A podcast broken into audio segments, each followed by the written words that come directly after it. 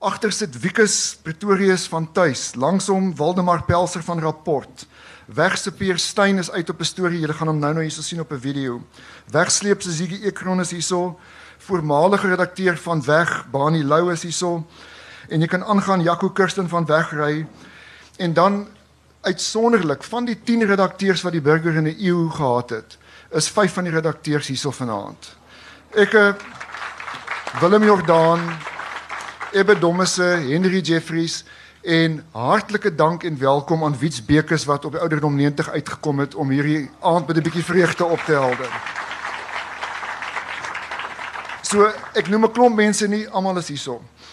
Mense, ons is in die in die mees gepaste plek om die burger se 100ste in die geval nou die 102de jaar te vier want hierso het 'n klomp goed gebeur. Op en van Riebeekstraat as jy gaan is die huis al die skryf hom net een aan daar asseblief as jy kan is die huis waar die burger gestig is. Heemstede koshuis net die huisie langs om daai ene dis waar in 1914 waar die burger die eerste keer bymekaar gekom het oftewel Naspers en wat die burger sou stig het daarso bymekaar gekom te midde van knellende omstandighede. Wêreldoorlog aandklokreël en 'n horde ander probleme wat ons net te veel sal sê as ons by dit by dit kan uitkom. En omtrent elke plek wat jy hier op die dorp kom, is daar 'n element van die burger se geskiedenis. Pietseljere het in Verriebeekstraat gewoon. Skalkpinaar het hier groot geword. Jy kan deur die ding gaan en jy gaan gaan kyk dat die woordeskat wat gevestig is as jy net hier in die pad afstap 50 tree van hier af op die ou Wilgenhofveld is die woorde skrimskakel en losskakel gestig geskied deur die burger en Paul Roos homself dat hulle het gekyk daai tyd het gepraat van halfback en half agter en toe hulle die ouens daar oefen te sê hulle maar daai woorde werk glad nie. Vir dit nie is daar nie 'n beter woord nie. En Herman Steytler en Paul Roos het die woorde skramskakel en loskakel uitgedink 50 getree van waar van waar ons is. Dis nou nie in dieselfde liga nie maar ek het my koerante afgelewer eh, opgetel hier op die Sanlam gebou op die hoek by dit. So mense ons kort een addisionele stresor en dan gaan iets verkeerd gaan hierso want daar's 'n klomp goed wat ons wil deurgaan. Om dit eenvoudiger te maak, het ek op die ou ende gevra dat 'n paar van die mense wat bydraes gelewer het vanaand hierso nie kan wees nie of ons gaan te veel op die verhoog wees en ons gaan vir julle kort video min of meer daarvan wys. En die mense wat praat is die volgende. Die boek se leitmotief is dit. Naspers en die burger se geskiedenis is baie goed opgeteken. Baie volledig. En onder dit lê daarso die joernaliste. En ek het deur al hierdie materiaal gewerk en daar's 'n wonderlike klein passasie van Hubert Coetzee, die ou wat dik mond ingegaan het die oggend van 8 Augustus 1945 en gesê daar's geen nuus op die nuuslys nie en dinge is nie lekker nie en hy wil nie gaan nie en hy dink aan die joernaliste naamloos en onbesing wat hierdie Sondag ding moes doen. Nou min wetende is die atoombom later daai dag op Hiroshima gegooi, so het sy hande vol gehad, maar hier is die boek opgedra aan joernaliste naamloos en onbesing. Ons wys vir julle 'n kort video wat uh, net dag 24 vir ons aan mekaar geslaan het.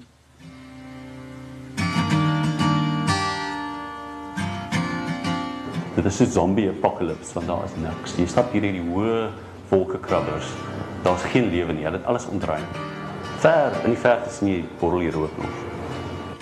Wat veral hartverskeurende was was die middag toe ek weer uitkom uit die uit die afgesperde sone en ek gaan in die normale deel van die stad in. Hulle het seker barrikades daar gehad, die brandweerwaens het vanaf die World Trade Center deurgery weer in die in die gewone in die gewone stad in hoe al die mense, die familie, die geliefdes daar gestaan het en fotootjies opgehou het en vir die brandweermanne en die polisiemanne gewys het. Het jy hierdie persoon gesien? Maar jy het geweet daar's geen kans dat enige iemand dit wil leef nie.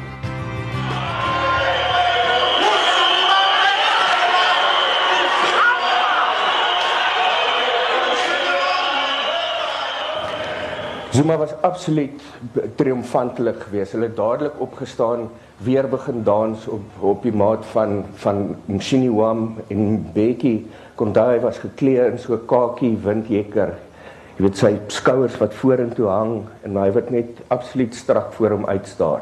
'n Hele paar minute so gesit in die dansery wat daar eenkant plaasvind van die Zuma kamp en uiteindelik het hy opgestaan. Um Zuma se hand geskud vinnig omhels en in sy met sy geboue skouers is hy daar die drukkende Desember naglig in. Karel Asmal het so in sy whisky glas gekyk en die die ys gerinkel en gesê vanaand het die ANC vir altyd verander. Die land het verander vir altyd verander. En toe in die stadion kom, toe kyk hy om en hy swaai sy vingers so en ek het uh, net gesê skreeu sprint sprint sprint jy moet weet en die man het dit gedoen ja wat 'n groot onruk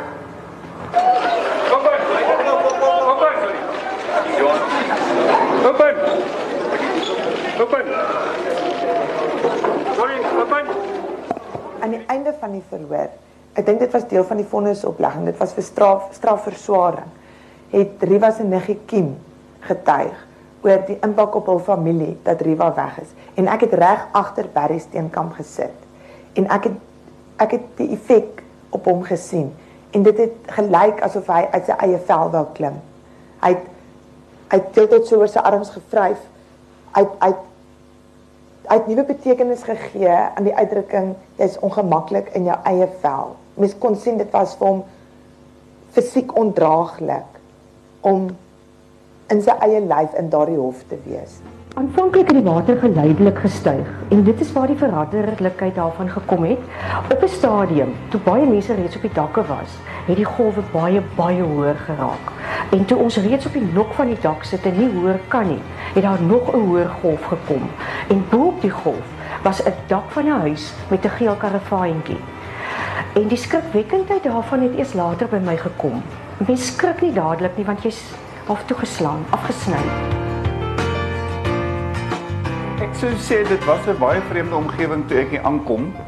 Nommer 1, ek dink dit is sommer met die intrapslag want Albert Kraft wat my nou genooi het ehm um, met die woorde wat ek so goed onthou het vir my gesê toe hy vir my belle op op op Saron waar in die onderwys was toe sê hy vir my man die burger het nou besluit om 'n kleerling aan te stel. Ek was 'n goeie opstelskrywer. Uh, uh dit klink nou 'n bietjie voorbarig en dan het ek gehou van fotografie en die twee saam was eintlik 'n grondslag vir wat hulle toe in my kop in terme van vaardighede en my vingers in terme van tik gekry het en wat toe my eintlik op die pad gesit het.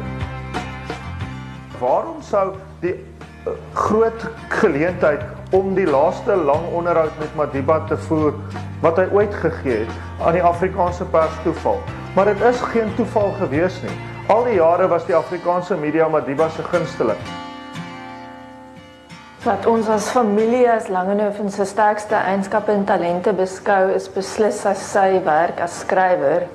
Hy het in sy tyd het hy sy volk leer lees. Hy was letterlik wat ek sou beskryf as 'n soort Dana Snyman van sy tyd. Hy kon geweldig hard werk, soos hy dat hy boeke 'n boek op die wieke van ehm um, honderde koppies koffie in 2 weke kon klaar skryf ehm um, sonder om te slaap by ons in daai in daai tyd, maar daarna was dit hom so erg die dieptes van die ellendes wat daar op sy volk dat hy letterlik aan die drink sou gaan.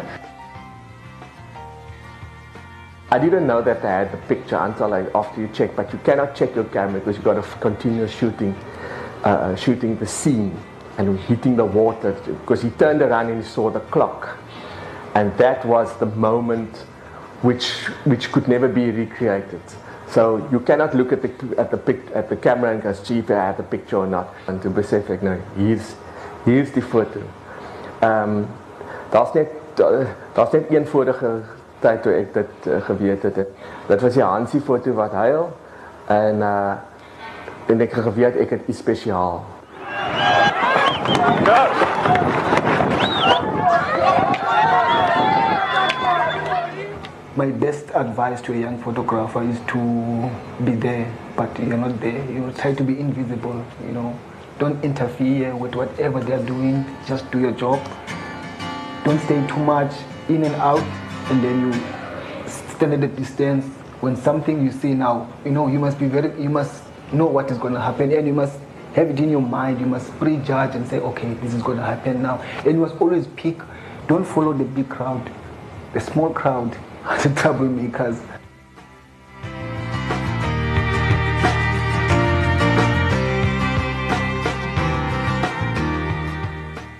En saam met Mandela sien ek hoe die son opkom Hy kyk na John Dube se graf en daardie woorde wat vir jou sê presies waar ons staan uit die donkerte na die heerlike lig. En jy dink uit die tronk die eerste keer dat hy stem en ek ervaar dit saam met hom.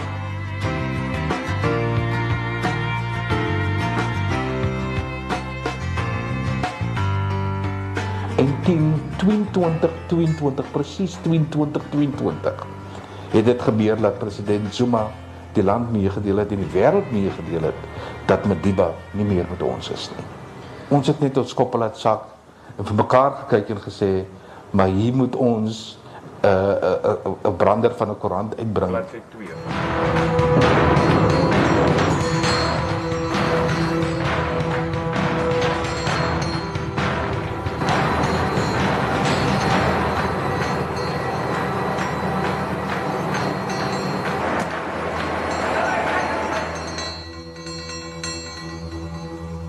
Ek het teruggery werk vir die volgende dag. Ek sou afgewees het omdat ek verjaar het, maar duidelik het dit nie meer gebeur nie. So op my verjaarsdag het ek teruggery met wat gevoel het soos 'n babbelas wat nie 'n babbelas was nie.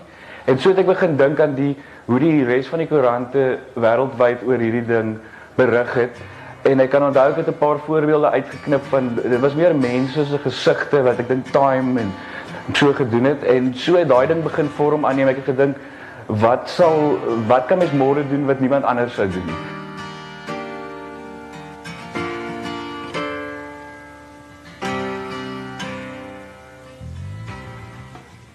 So ongelooflik as 'n mens dink aan hierdie stories nou en dit laat my nou sommer dadelik dink aan ons wat bietjie vroeër sit te gesels oor vanaand in ban sê ek sê vir hom maar is dit nie klomp werk jy sê vir my nee man dit stimuleer hom weer van voor af want dit laat hom besef joernaliste is net mense wat stories wil vertel. En dit laat my nou sommer dink aan Eben Iman wat so bewoor raak oor daai oomblik in in die Olimpiese spele hoe mooi dit nie is nie en die feit dat die burger so instansie in mense se lewens is soos dit Elmarie ook nou gesê het dis soos moedersmelk wat mense gedrink het en ek um, ek dink dis regtig 'n uh, persoonlikheid in ons huise gewees wat ons groot geraak het ek weet ek spring so 'n paar dekades mis met my geboortedatum in die boek. Maar um, en ek moet sê ons het nou op RSG onlangs 'n gesprek gehad om so gou as moontlik toe ek sien daai vrystelling kom deur, so sê ek sommer kan jy Vrydag inkom. En ons sou met hulle vir 10 15 minute gesels het en die gesprek het so lekker gelei dat ons laterand goed uitgegooi het wat in die program uitgesaai moes word. Nee, al die band kan julle langer bly gesels nog want die terugvoer was so oorweldigend van mense wat die stories geniet het. Die terugvoer van mense wat mense wat die skermmoord by betrokke was, familielede geken het daai tyd. So was regtig wonderlike terugvoer wat ons ontvang het, maar om nou te begin by die begin by die 30000 agtereenvolgende uitgawes wat die burger gehad het. Ek dink dit verg klare hande klap, dink ek vir al hierdie hardwerkende redakteurs en joernaliste en die fotograwe betrokke. Ek nie een van die 6 dae is oorgeslaan nie. Agter in die boek kan jy gaan lees van die nabye oorslaan, maar dit het op die ouend goed uitgewerk. Ek vind argiewe geweldig 'n romantiese idee, baie nostalgiese idee en ek sê toe ook nog laas op lig toe ons nog navorsings gedoen het vir ons take en dan jy nog gaan by die Bib hier op Stellenbosch by die argiewe in en deur die koerante geblaai want op my tyd ook geswat het was die was die toegang tot die internet nog nie so goed gewees en dit is wat al die aan blootgestel is. So ehm um, al die was die argiewe so georganiseer deur vorige personeel of het jy ingestap in 'n doolhof?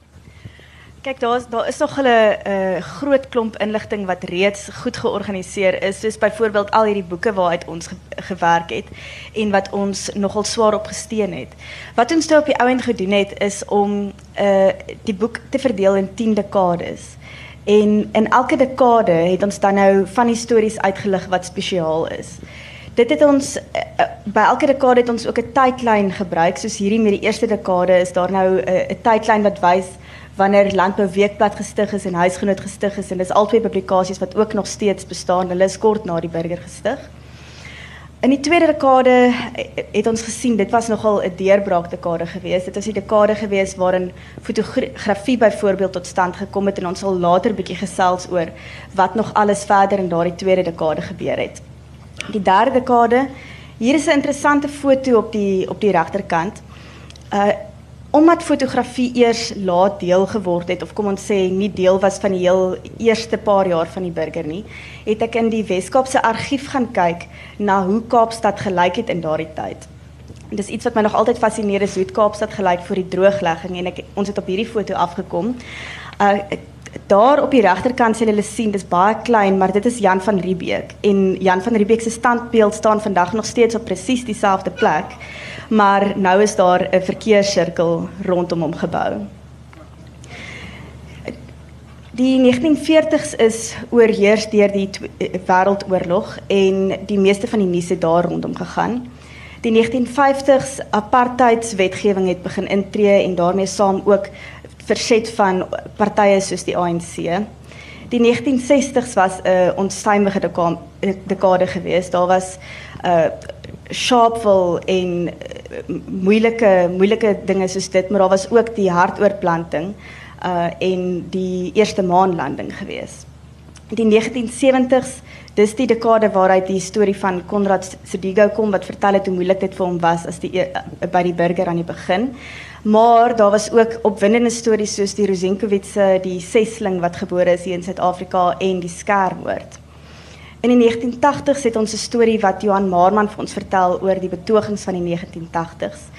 Die 1990s was 'n uh, dekade van dit was die Madiba dekade gewees, is 'n dekade van versoening en ons het heelwat sulke stories ook in die in die boek. En dan ja, en natuurlik hierdie foto van Madiba wat die wat die duif uh, laat gaan by die stadsaal. Uh daar's 'n storie in die boek oor hoe die duif 'n bietjie laer gebring is, 'n bietjie afgeskuif is, uh hoe digitale manipulasie ingekom het in daardie tyd.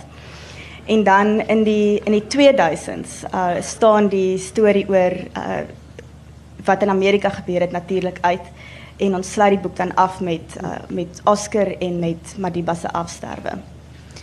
So dit is die dekades, maar kom ons kom bietjie in diepte by die stories en ek dink mense kan eintlik net sê 1910 tot 1919 en dan kan hulle maar laat loop want daar is so baie om oor te praat, maar daar het 'n groep ouens in Stellenbosch bymekaar gekom, besluit ons moet 'n nasionale koerant begin en uh, so is die redaksie gevorm en jy moet nou vir ons deur die smart en hoop vat ban want jy sê baie van daai 'n uh, begin redaksie se ouens het maar vinnig uitgeval weens die druk of hoe? Meestal meestal smart die hoop het eers in die 1920s gekom, maar op sy kortste gesê, die verkeerdste tyd denkbaar om 'n koerant te begin was hierso op Stellenbosch in 1914, want toe breek die Eerste Wêreldoorlog uit en die burger gaan sy eerste 4 jaar deur met 'n met 'n kroniese papierskaarste. So daar's 'n probleem gewees. Toe hulle agterkom die burger gaan nou nie heeltemal die die Britse mense ondersteun in die Eerste Wêreldoorlog nie, is daar 'n boikot en die boikot beteken die drukkontrak word gekanselleer en daar word klandestien 'n rolpers aangekoop. En so kan jy deur al die probleme gaan van te min geld dat daar's in 'n stadium geld geleen by redaksielede sodat hulle kan gaan papier koop in die hawe. Nou as jy geld by 'n joernalis leen, is jy ontsettend diep in die moeilikheid. Ek um, dit klink vir my soos data lees daar. Vir die joernaliste nie so oor data nie. Waar is ons data? Dis soos papier. Dis dis basies dit en jy sit jy sit met die in, op 'n ernstige noot met die twee ontbrekende elemente. Daar's nie 'n taal nie en daar's nie mense wat kan lees nie, nê. Dat Afrikaans het nie bestaan as 'n amptelike taal nie en hy het nie die woordeskat gehad om 'n koerant te dra nie. En jy sit is Herman Gilome is dat kan ons sy syfer gebruik van 'n bevolking van in daai stadium van blanke Afrikaanse mense wat net 15% verder gestaan het, 5 gestudeer het aan die begin van die eeu. So daar is die smart waarmee mense begin het en uh die eerste koerant kom uit met ek gaan maar so deurblaai met geweldige moeilikheid. Daar is die rolpers wat jy wat jy wat jy sien wat die koerant het uitgekom op 26 Julie. Ehm um, en daar's die eerste redaksie van altesaam 16 en miskien ek dink al die het jy die aanhaling van al 16 het nie lank gebly nie. Ja, teen die tyd wat hierdie foto geneem het, was daar net 8 oor. Ehm um, nou Dave Malan is nog op hierdie foto en dan Johannes Steinmeier is ook op hierdie foto. Hy is die enigste een of een van die min wat koerantervaring gehad het toe die burger begin het. Hy het in elk geval die meeste koerantervaring gehad en hy het 'n paar mense ook touwys gemaak. Maar hier is wat hy sê oor die oor die redaksielede wat gegaan het. Hy sê Een redaksielid het op die Sondag aand net mooi 14 dae nadat ons begin het, uit die kantoor verdwyn en het hom nooit meer iets van hom gehoor of gesien nie. Die man het nie eers sy salaris kom opvra nie. Dis in sommige dae het het Steinmeier gesê toe hulle die kantore betrek, toe ons die toe ons die redaksiekantore betrek, was daar geen stuk meubel nie, nie 'n stoel om op te sit nie, nie 'n tafel om aan te skryf nie, geen inkpenne of papier nie, nie eens 'n skerp of 'n lympot nie. 'n Mens sou sweer Abraham van Sail was in beheer daai tyd gewees, né? So da, da Martlies, daar's die smart en dis die Eerste Wêreldoorlog. En uh, as ek net voor jy weer vra kan sê wat interessant is uit Steinmeier se vertellings uit is dat en dis wat die boek probeer doen om te kyk hoe naby aan die eerste persoon vertelling van mense kan ons aan 'n gebeurtenis kom. Daarso sien julle 'n spotprent daarso en dis Louis Botha en Jan Smuts wat daar sit. En en ehm uh, um, Steinmeier sê van Louis Botha as 'n orator. Lang Engelse woorde was vir hom 'n moeilikheid. So het dit meer kere gebeur dat wanneer Louis Botha 'n uh, formele voorstel soos 'n mosie van roubeklag in die parlement in albei tale moes lees by 'n moeilike Engelse woord dat hy vasgesteek en hom tot Jan Smits gewend met die gefluisterde vraag: "Jannie, wat is dit?" So daar is die swaar jare en ehm um, dit was maar net eintlik die begin van van van 'n baie baie moeilike dekade vir die burger. Ek moet sê ek het nou nogal baie geleer die afgelope tyd. Ons gaan 'n bietjie later kom by name en persoonlikhede, maar al die die voorblaaie van koerante wat ek nooit geweet het nie en ek dink vir ons baie mense so nou en dan dis nou klaar daaroor, was net advertensies. Daar was nie hoofberigte op die voorblad voordat ons nou kom by spotprent tekenaars, die die vader van spotprente nie, maar ja, die voorblaaie en die advertensies.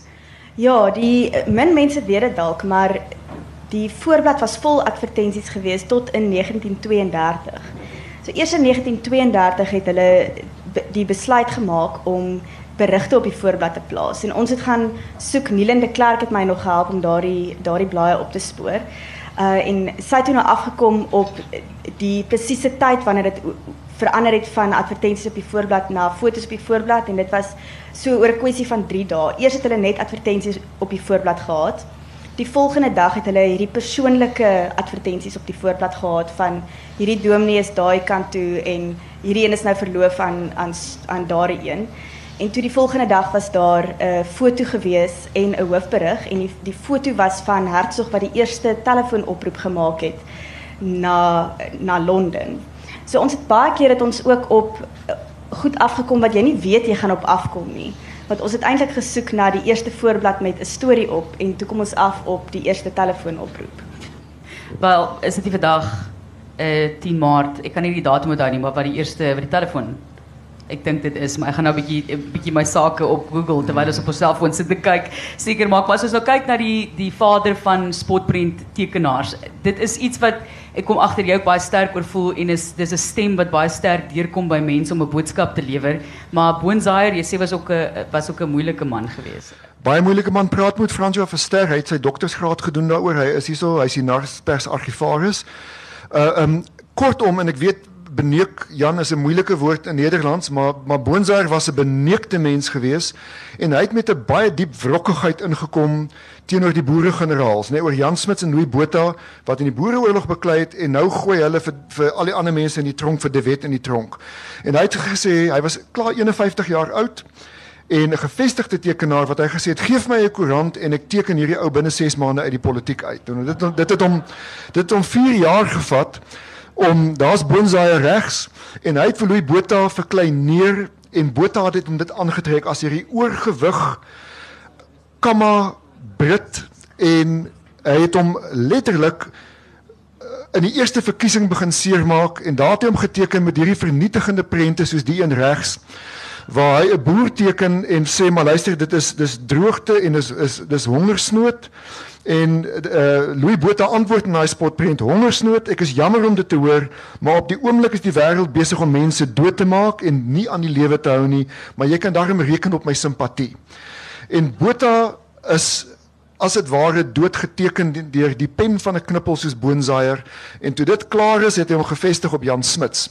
Maar net vinnig net 'n vertelling tussendeur vir die Stellenbossers. Links is Paul Sauer hier van Kanonkop wat volgens volgens Steinmeier een van die beste uh um uh, redenaars in die parlement was. En dan byvoorbeeld het hy gesê van van Sauer Sauer was altyd kalm, tergend kalm. Hy het daarby stadig gepraat en het hom nooit gehaas nie, selfs al het die hele volksraad in spanning op sy toespraak gewag. Die klein knypbrilletjie moes eers gepoets word, dan 'n bietjie snuif gebruik waarvan daar altyd 'n hoopie op die hoek van sy lesenaar gelê het. 'n Paar hoesies, die gebruikelike meneer die speaker en dan het hy 'n vrou in die galery gegroet, nog 'n paar hoesies en dan het die doodhou gekom. En dis wat die boek probeer doen is om naby aan al daai mense te kom soos John X Merriman daarso en ek moet net een ding sê. Ons het 'n ongesaglike belangrike persoon verloor in die produksie van hierdie boek. Ons het gaan gaan spotprente soek, gaan skandeer en dit is skoongemaak en fotos gaan skoongemaak. Adenaan Alexander is oorlede net na die boek gekom het en sy vingerafdrukke is in elke bladsy van hierdie boek. Hy daai goed gaan skoonmaak. Ehm um, ek lig my hoed vir Adenaan.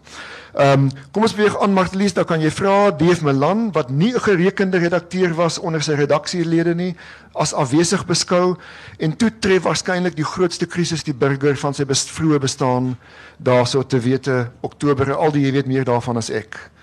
Die influenza wat die Kaap tref al die 1918. Ja, so die burger was skaars op sy voete gewees toe tref die groot griep of die Spaanse influenza die die Kaap. En die burger het nog wenke gegee oor hoe om gesond te bly. Hulle het vir mense gesê kry vars lug en bly rustig en so aan.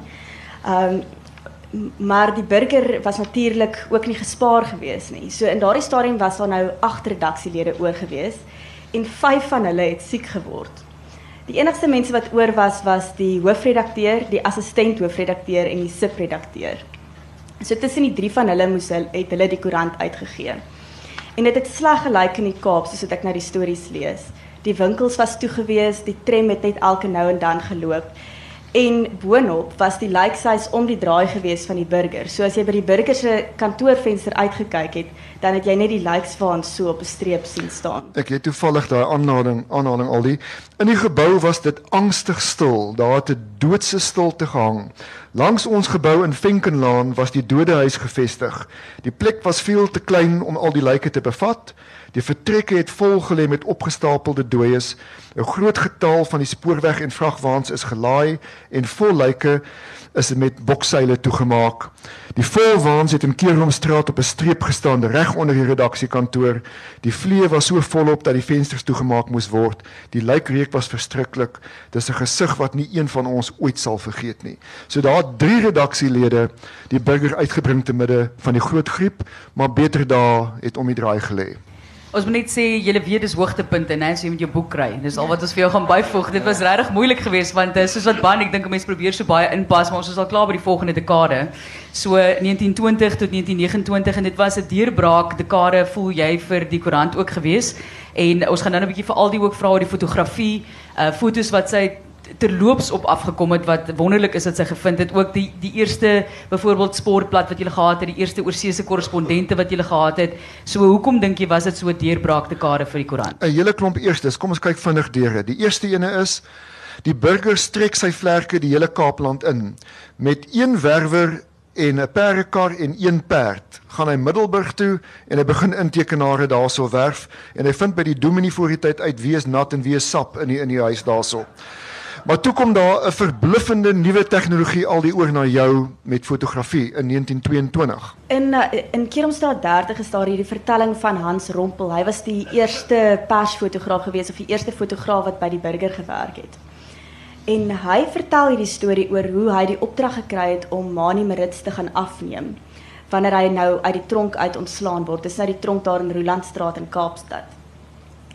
En hy vertel die storie oor die polisieman wat moeilik is met hom. Die polisieman wil nie hê hy moet hierdie foto neem nie. En hulle gaan 'n bietjie heen en weer. Uiteindelik sê die polisieman vir hom: "Moet net nie dat ek sien dat jy 'n foto neem nie." En hy knip oog so vir hom en Hans Rompel neem dit toe na as 'n teken dat dat hy dit maar kan neem. Um en toe Mani Marits uitkom, draai die polisiebeampte om sodat hy nie vir Hans kan sien nie. En hy staan mooi op sy sodat Hans Rompel hierdie skoon foto kan neem van Mani Marits wat uit die tronk uitstap. Uh, nou uh, uh, daardie foto het ek net gaan probeer opspoor in in die ou koerante.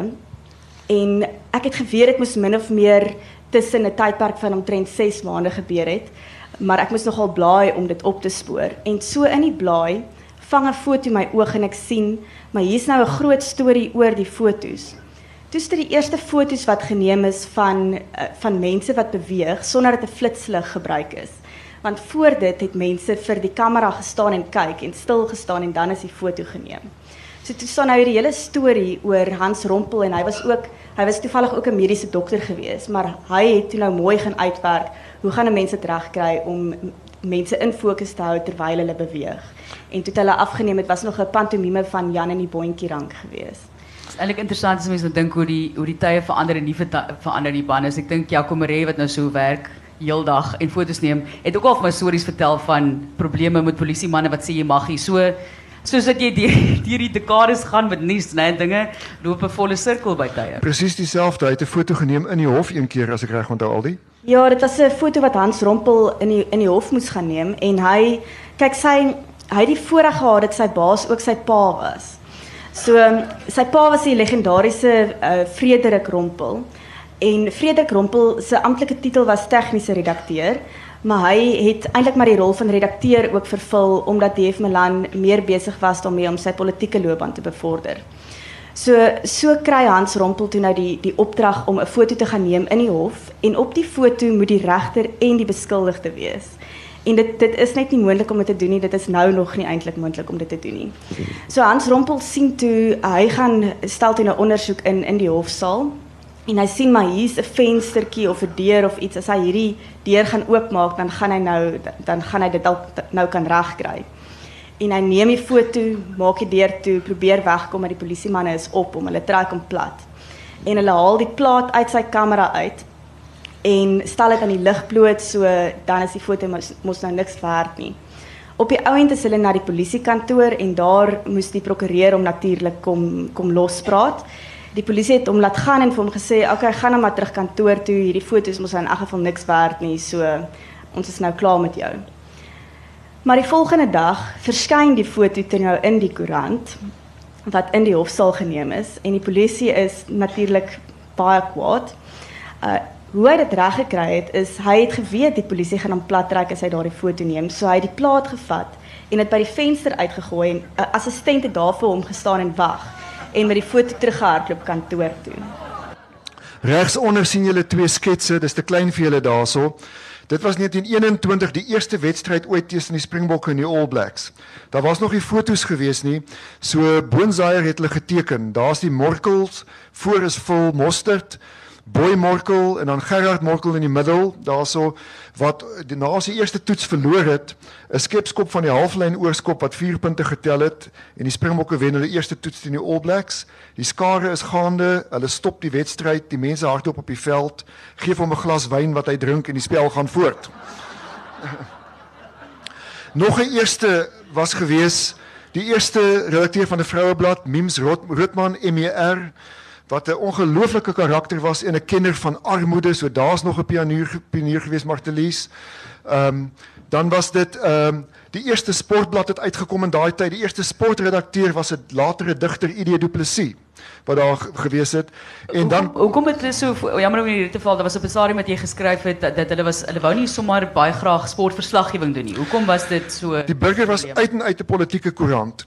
En in die in die in die settery het 'n Walliese ou gewerk, Jannie, dis ek John dan, Jannie Vol wat begin hierdie goed insmokkel het in die in die in die politieke berigte en daai rompel waarvan al die gepraat het, het dit toegelaat.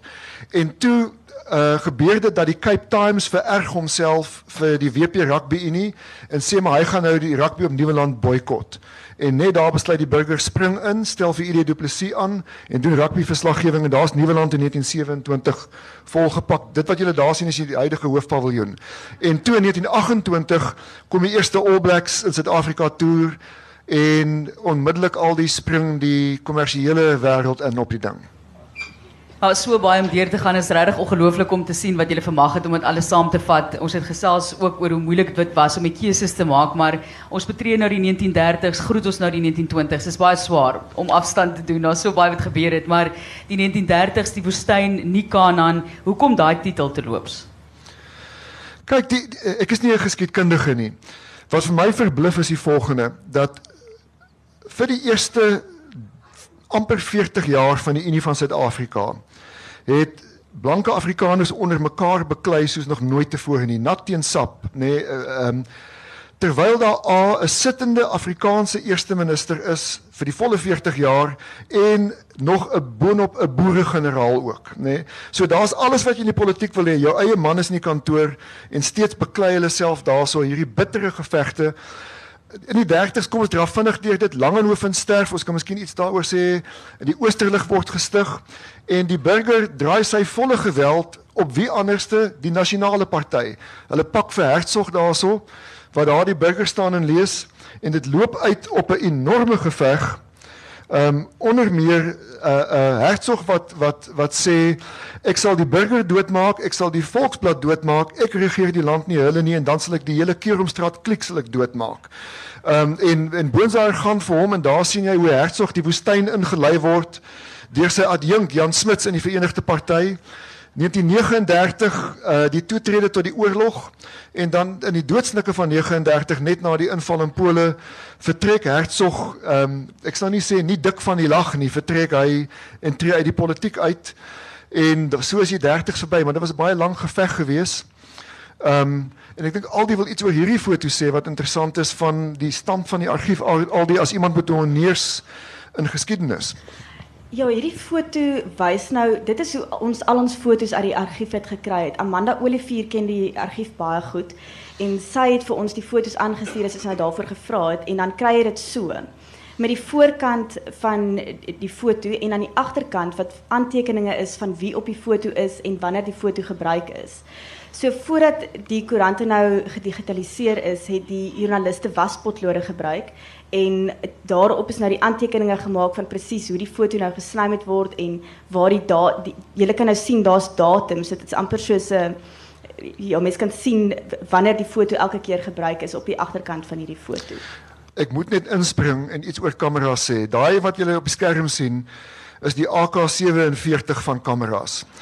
Dis die die speed graphic kamera wat in 1910 is hulle begin bou en omtrent alle Pulitzerpryse tot 1960 amper 1970 is daarmee gewen. Kyk na die foto 1938 dink ek van Dani Kruiven geneem met 'n kamera, een foto op 'n slag en geen zoom lens nie. Kyk na die foto van 1955 van Tom van Vollenhoven wat 'n 3 druk. Kyk na die agtergrond. Elkeen van die ouens wat nader hardloop, het 'n speed graphic kamera by hom. Die ouetjie links voor is Jasper Kruse, die vinnigste fotograaf in die burger se geskiedenis. Ehm um, maar helaas tot sy spyt ook die mees onstiptelike een, nê, dat dat Jasper kon saam met die vleuels deurbreek en dan kon hy die fotos neem soos hierso van Tom van Vollenhoven. Maar altyd laat opgedaag volgens oorlewering, soveel so dat by by 'n moordtoneel het hy te laat opgedaag en toe sy kontak by die polisie gesê om net terug te gaan met die draagbaar en die lijk weer uit te bring. En daar sit ons met die die burger se argief Martelies met foto's soos hierdie wat ons moet skoonmaak en toegang soos jy nooit kan dink nie. Jy onthou die 1980 Leeu's Billy Beaumont goed pak gekry op Nieuweland. Na aksie daar geen satisfaksie vir Billy Beaumont wat daar stywe aan trek. Hierdie foto's op Nieuweland En dan toe die 70s toe kom die, die eerste werklike kameras, die foto van Wessel Oosthuizen van Chris Laidlaw en Frik de Pre. Hy het nie vir die burger gewerk nie. Hy het wel gereeld na ons donkerkamer toe gekom en al sy klein foto's, my gunsteling foto is dan van Bumper Gous op op op die rust se veld van Oudtshoorn polisie teen die rust. En kan ek net dit sê voor ek oorgee terughandig aan julle is die waarde van die burger is dit. Die waarde van 'n koerant lê in sy produk en in sy gemeenskap. As jy dit onderskat, kan jy maar huis toe gaan. Nou gaan soek jy vir Bumper Gous in die burger se argief, nê, en daar is 'n Shakespeare toneelstuk daarin.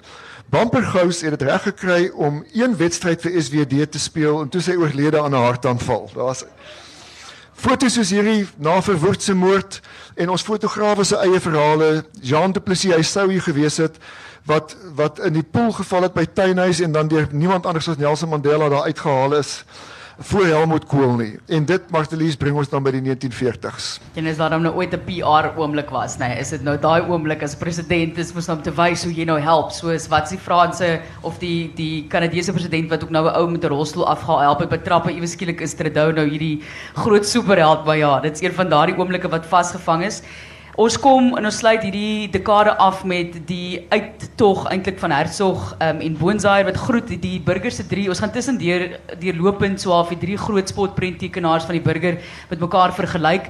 En in die volgende dekade wat ons nou kyk in die 40s is sê jy dit is 'n Hannibal in oorlog. Dit is wat daardie dekade dan nou omtrent um, of in daai dekade uitgestaan het. Basies dit Hannibal wat 'n Disney-agtige figuur was en hy fokus op Jan Smuts daarso en Churchill en hy teken daai soort spotprente Jan Smuts wat in allerlei gewaarde is. Hy skep oom Kaspaas vir die burger, hy skep Adoons hulle en hy gaan vir Jan Smuts met sy volle met sy vol pot inkom stel dit so en byvoorbeeld dat Smuts heeltyd in die buiteland is, daar drink Smuts by die Empire kroeg Empire drank en die gehavende boerseentjie wat sê pappa kom terug huis toe.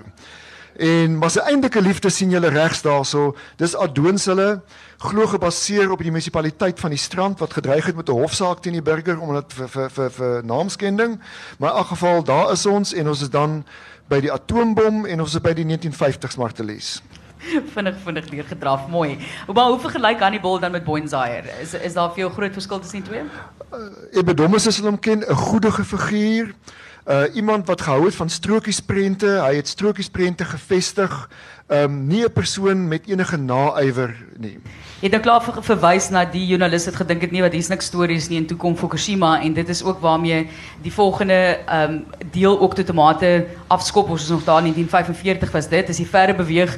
Kom ons kyk gou vinnig na die 50s. Dit is die groot apartheid Clara Majola en, en, en op daai noot wil ek net sê ek was beïndruk met daai hoofstuk as ek dit kan sê want Clara Majola, ek hoeveel bladsye het julle afgestaan? 4, 5 bladsye aan hierdie storie en die feit dat die menslikheid daarvan vir julle so belangrik was. Hoekom is mense stories vir julle so belangrik aldien?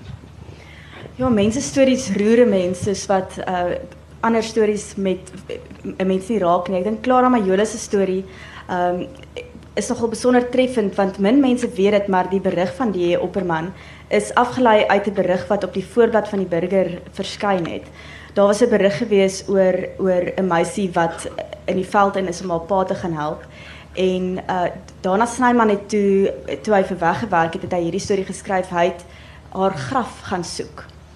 En hy het toe uh, uh, haar graf gekry, maar voordat hy haar graf gekry het, het hy eers haar suster opgespoor. Haar suster se naam is Nan Jansen. En Nan vertel toe vir vir Dana Snyman dat uh, eintlik is Clara Clara se se van is nie Majola nie. Clara se van is ook eintlik Jansen en haar, haar naam is ook nie eintlik Clara nie. Um en sy het ook nie geweet van die van die gedig wat geskryf is nie. Kan 'n mens ook sê, weet jy sê ook dit is nie 'n geskiedenisboek nie, maar kyk, ek bieg, ek weet van Clara Majola die storie, maar ek het nooit geweet wie hierdie arme kind is nie. So dit was vir my interessant geweest om nou toe ek daardeur gaan en besef maar dit is eintlik maar ook 'n geskiedkundige blik deur verslaggewing. Absoluut so. Dit is die dis die burger in sy gemeenskap. Die 60s het ook gekom met die met die kunsredaksie wat wat Corneels Breitenberg wat hier voorsit, my gunsteling resensent nog steeds Corneels. Ehm um, van WG Lou wat die wat die eerste amptelike kunsredakteur was. Corneels, ek kan vir jou 'n mikrofoon gee as jy die storie wil vertel oor die ontevrede. Hy wil dit nie vertel nie, maar WG Lou se resensies het begin wanneer hy met sy voertuig uit die oprit uitry en dit het geëindig wanneer hy saans weer sy voertuig in die motorhuis terugsit. Nee, hy was lank geresenseer en hy was nogal kwaai geweest, soveel so dat een van die uh uh, uh benadeelde akteurs het 'n uh, 'n uh, 'n toegedraaide hondebol vir hom gestuur en en hy het 'n prys uitgeloof van die persoon wat dit vir hom sou gee. So uitvind wie wie dit was. Dan kan ek net vir jou vra uh, die politiek van die 50s oorgeloop in die 60s net vir ons daai perspektief ook gee en wat jy besluit het is hoofoomliker Sharpeville wat nou in die 60s ook by die tree die moord verwoed. Kom ons bring 60s ons moet aangaan in 1960 wil jy oor praat al die uh, vulkaniese uitbarsting op Tristan da Cunha en al wat mens eintlik wil wys is die gehalte van hierdie fotos waarop ons afgekom het van daai ou met die adres op die koevert wat sê dis sy naam um, Tristan da Cunha South Atlantic Ocean. Ja, die hartseer ding van hierdie fotos is dat ons weet nie wie die fotos geneem het nie. Daar's geen inligting agterop die fotos oor wie die fotograwe is wat hierdie ongelooflike fotos geneem het nie. Ons het so 12 minute om te gaan. Ons inderdaad by die 60s. Ek dink ons is rugby uh, verslaggewer. Ons jy weet is op op pad paal toe. Ek wou net gevind gevra het met die uh, jammer met die um, die digitalisering van hierdie argiewe. Is dit enigstens al gedoen? Want jy sê nou ek bedoel ja, die dinge lê ja. nou daar. Ek neem aan is 'n baie mooi kamer wat 'n goeie brandalarm in het of so. Ja, kyk daar ons het eh, nogal ons is baie dankverskuldig aan Amanda wat ons gehelp het om die om die foto's op te spoor. So die argiewe is 'n kombinasie, daar's 'n kombinasie van van opsies wat jy het as in die argiewe gaan soek. Daar is die koerante wat gebind is en dis alles mooi in bundels in 'n baie donker kamer bo in die Media 24 gebou. So mense kan daardie bundels gaan haal en dan kan jy nou daardeur blaai. Jou ander opsie is om die koerant op PDF te lees. So al die koerante is geskyn en dit is op PDF en 'n mens kan Ctrl F druk en skermwoord intik en by iets uitkom. Uh en dan is daar nou natuurlik die fotos wat alles ook gedigitaliseer is baie baie mooi georganiseer met die voorkante en die agterkante sodat jy darm 'n idee het van van wat daar aangaan. Die 60s in 'n netedop, ehm um, Zafendas vir 'n minuut per minuut vertelling van presies hoe dit gebeur het. Bobby Kennedy wat hier op Stellenbosch was, uh, ek onthou dit dat iemand het nog gesê hy kan nie glo dat iemand met so 'n fyn stemmetjie die volgende president van Amerika gaan word nie. Volgende jaar is hy dood. Dan die hartoortplanting, ons het 'n baie spesiale persoon hier so Harry, waar's jy? Harry Shaw. Harry, hand op. Daar's Harry staan net vinnig op. Harry het 'n klomp goed vir ons gedek, onder andere die hartoortplanting. Ehm um, met kontakte wat hy tot vandag nie weier om te sê wie sy kontakte was. Harry, as het, as jy sou wou vanaand is die aand, hoor. As jy wil sê wie dit was, maar kom ons gaan net vinnig deur. Harry het die storie eksklusief gehad. Hy was 'n paar tree voor die bondel gewees. En ehm um, uh, uh, onder meer die volgende as jy na hierdie voorblad kyk, Uh dis toe die dag toe Louis Waskanski dood is, heel aan die bokant daai streep wat julle sien, is die kardiogram van die laaste hartkloppe van Louis Waskanski. Nou dit is nogal waardevolle mediese inligting wat in die burger verskyn en toe by die perskonferensie tot 'n mate van verbasing aan Chris Barnard gewys word.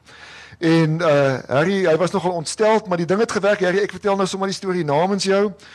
Maar uh, iemand het gesê as ons 'n Leica kamera vir hom gee, die burger, dan sal hy die kardiogram vir ons gee.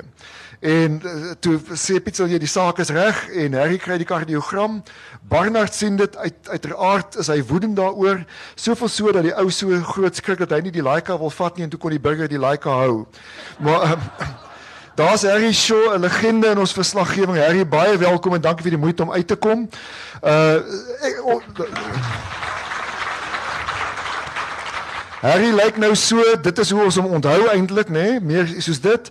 En jy kan vir Harry sê destyds, Harry, dis Vrydag, dan sê hy meneer, dis 'n helse storie en dan vat jy dit van daar af. Die maanlanding wat deur Jack Vivier gedoen is, die aardbewing gedoen deur Johan Holtz Apfel en ons is by die 1970s, Martelies met so 8 minute om te gaan. En ons uh, begin met die volgende groot spotprenttekenaar figuur Fred Beton. Enige iemand aan wie Fred sy oor verleen. Ek wil 'n onderhoud met hom doen. Ek wil 'n dokumentêr oor die man doen en ek sê vir Ban, ek het hom al gebel. Sê vir man Fred, ek beloof ek sal niks vra wat jy nie wil wat jy nie gevra wil hê nie. Ek sal niks uitsaai wat jy nee, 'n bietjie Martlies nee, weet jy, kom ons ek sal 'n bietjie dink. Nee, nee. So enige iemand wat bietjie invloed het daar, maar jy sê hy is nie 'n man van baie woorde nie. Die enigmatiese meneer Beton, enigste inwoner van planeet Fred, noem ons hom altyd daar. Ehm um, Fred is 47 jaar by die burger. Sedert 1970 is hy daar. So 'n hande klap vir Fred wat hier agter is.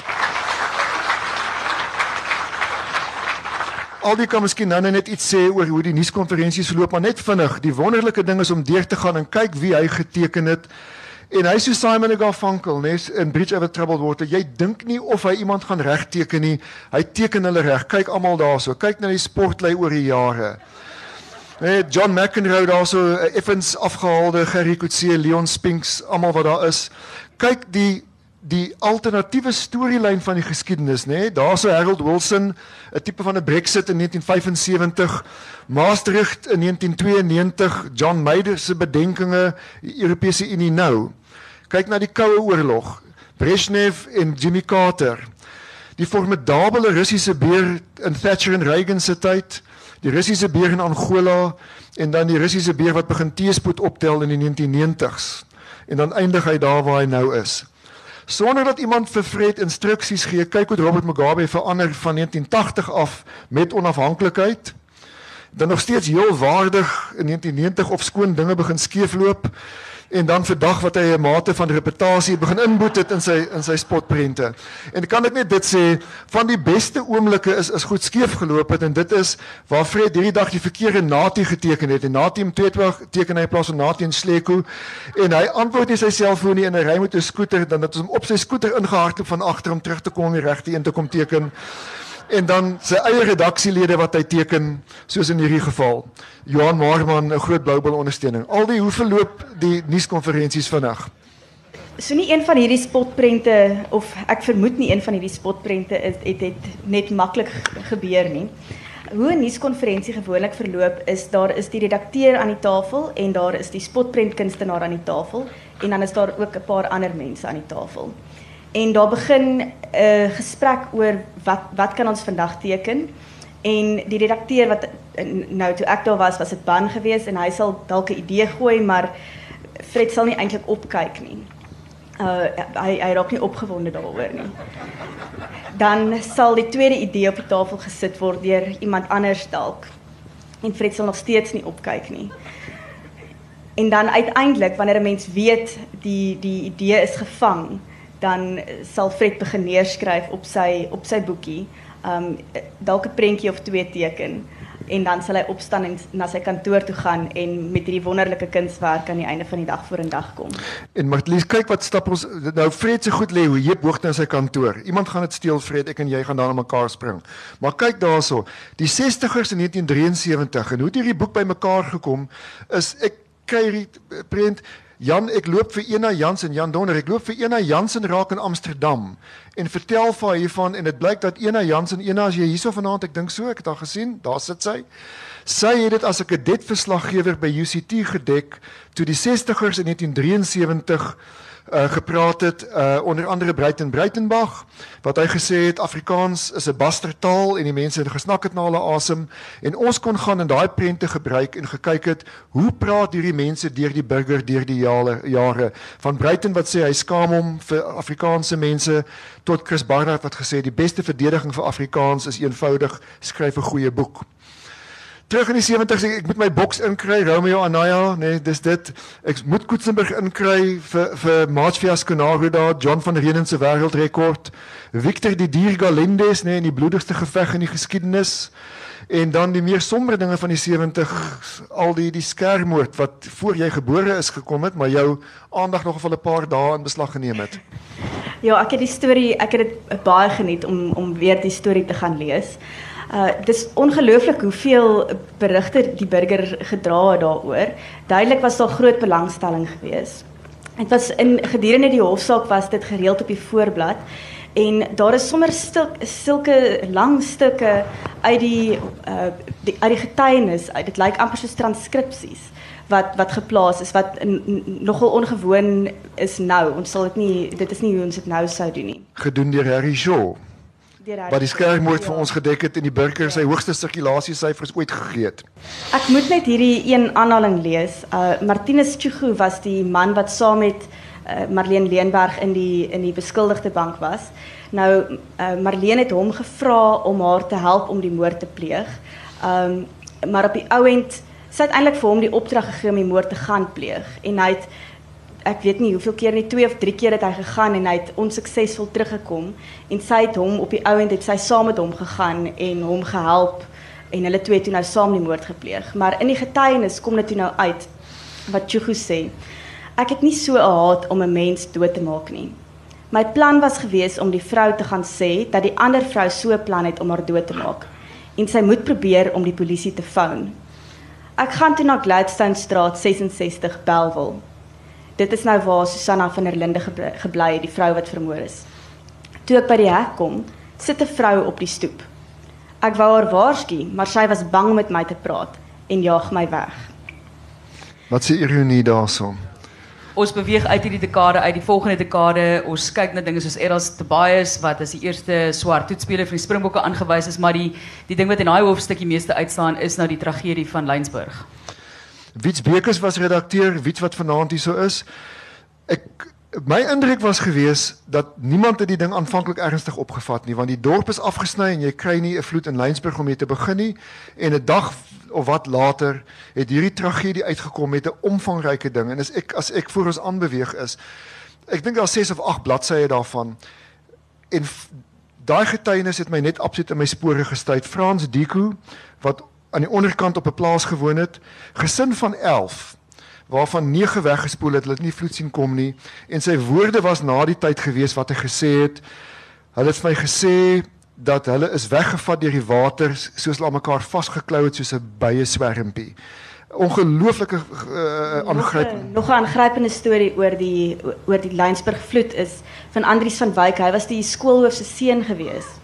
En hy vertel hoe hy mense in die ouete huis wou gaan help het. Hy en 'n paar ander mense is na die ouete huis toe en hulle wou mense daar gaan help het. En hulle wil toe almal in dieselfde vertrek kry, maar dit was moeilik geweest want die mense wil terug aan kamer toe want hulle wil goed op hulle beddens gaan pak sodat as die water styg, dit nie van die vloer af weggespoel word nie. En hulle kry op die ouend almal bymekaar in die eetkamer en die water styg en soos die water styg klim hulle op die eetkamertafel en die water styg nog en later hang hulle aan die gordynkappe en die water bly styg en Andries van Wyk vertel hoe hy 'n gat maak in die plafon met sy vuis. En hy wil twee mense deur die plafon help. En hy help een persoon deur en toe hy teruggaan om die volgende persoon te gaan help het die persoon weggespoel. Daar staan hulle toe nou op die dak van die van die ouete huis en dit was ook nie lank gewees nie. Toe kom die water en spoel hulle almal van die van die almal wat gered is spoel hulle toe van die van die dak af En Andri self het op 'n het op 'n stomp het aan 'n stomp vasgehou en in die stroom afgedryf en hy vertel later hoe erg dit vir hom was dat hy die mense nie verder kon help nie.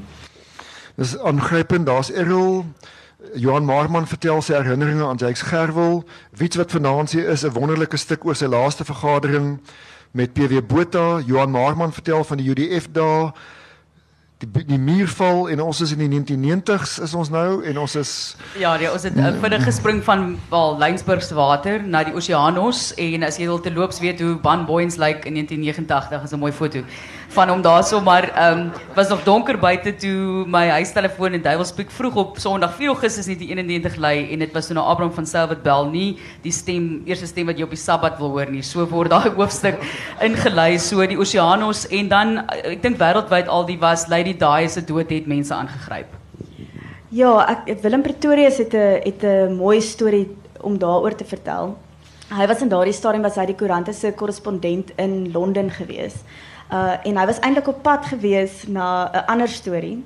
Uh ek dink hy was op pad Switserland toe gewees vir die Olimpiese aankondiging. Toe hierdie nou gebeur en hy toe nou uiteraard besluit om eerder in Londen te bly.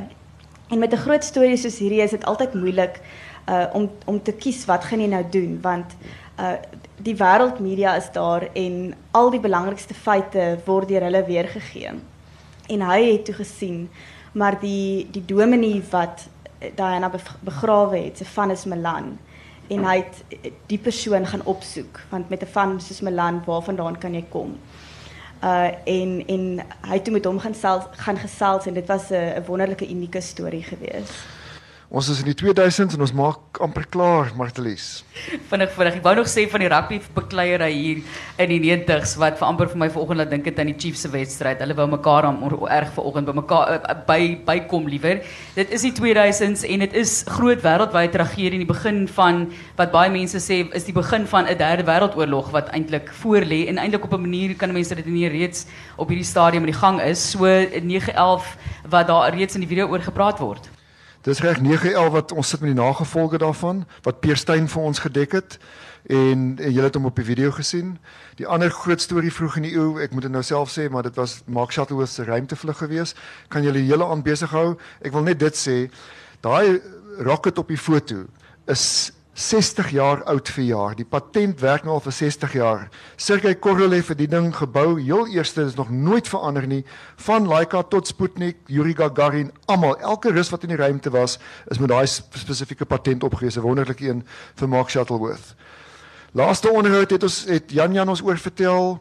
Ek wil net hierdie ding sê dat dat die die die busram by Renendal Uh Eugene Gunning wat daar werk het na die tyd na my toe gekom en gesê net hy het ongelukkig moes hy die West Dean busramp dek in die 1980s En toe kom hy op die een af, hy wil net een guns vir vra en hy wil net nooit weer 'n busramp wil hy dek nie. Uh die drama by Polokwane, wonderlike foto's deur Felix Langlamandla. En dan is ons basies by die foto waaroor Roger gesels het. Ons is by Oscar verby en ons is by hierdie wonderlike foto's, die oopkaarte van Marie Levita van Adam Small. Ek lig my hoed vir al die burgers se fotograwe. Kyk die foto van Charlene Sturty Richards. En ons is by die einde van die boek waar Madiba sterf en Martelies ek maak my naam met jou klaar maar die res van die goed is in die boek die die die goed is is is buite. Ek het al vroeër gesê ek kan maar net self praat. Hulle kom maar net begin en self aanloop maar ek wil dan net dankie sê. Ek dink ons kan dankie sê vir wel baie van julle in hierdie saal sal dan vir, vir hulle self aan 'n klap maar baie dankie sê vir die joernaliste soos die persoon wat nou gesê het wat dinge gaan dek soos 'n busramp wat in hierdie baie baie moeilike omstandighede met inloop waar hulle self ook deesdae en ons kom agter die joernaliste het minder en minder dink ek um, immuniteit as dit kom by met geweld veral in oorlogsones hoor mense dit nou meer en sien jy dit meer die afgelope tyd. Ons dink ook byvoorbeeld aan die fotograaf wat op hierdie stadium nog gevangene is en um, wonder wat met hierdie arme man ook gaan gebeur maar so hou ons dit in die media dop en ons sê vir julle dankie vir die feit dat julle dit vir ons gee. Hy sal nie wil hê ek moet dit doen nie. In die gehoor is Kobus Lourens. Hy en Christo Lotter raak geskiet die aand met 'n pagat optog en hy het ons 'n stuk geskryf. Kobus, dankie daarvoor. Uh mense baie baie dankie vir julle tyd. Ehm um, uh dit was 'n voorreg om in die boek te werk. Almal wat meegewerk het, Melanie, as jy hierso Melanie vanaand, Melanie wat gehelp het, Nielen is hy hierso, Nielen wat gehelp het onder groot dwang baie keer. Amanda met die fotos. Ehm um, waar is is Alet hierso?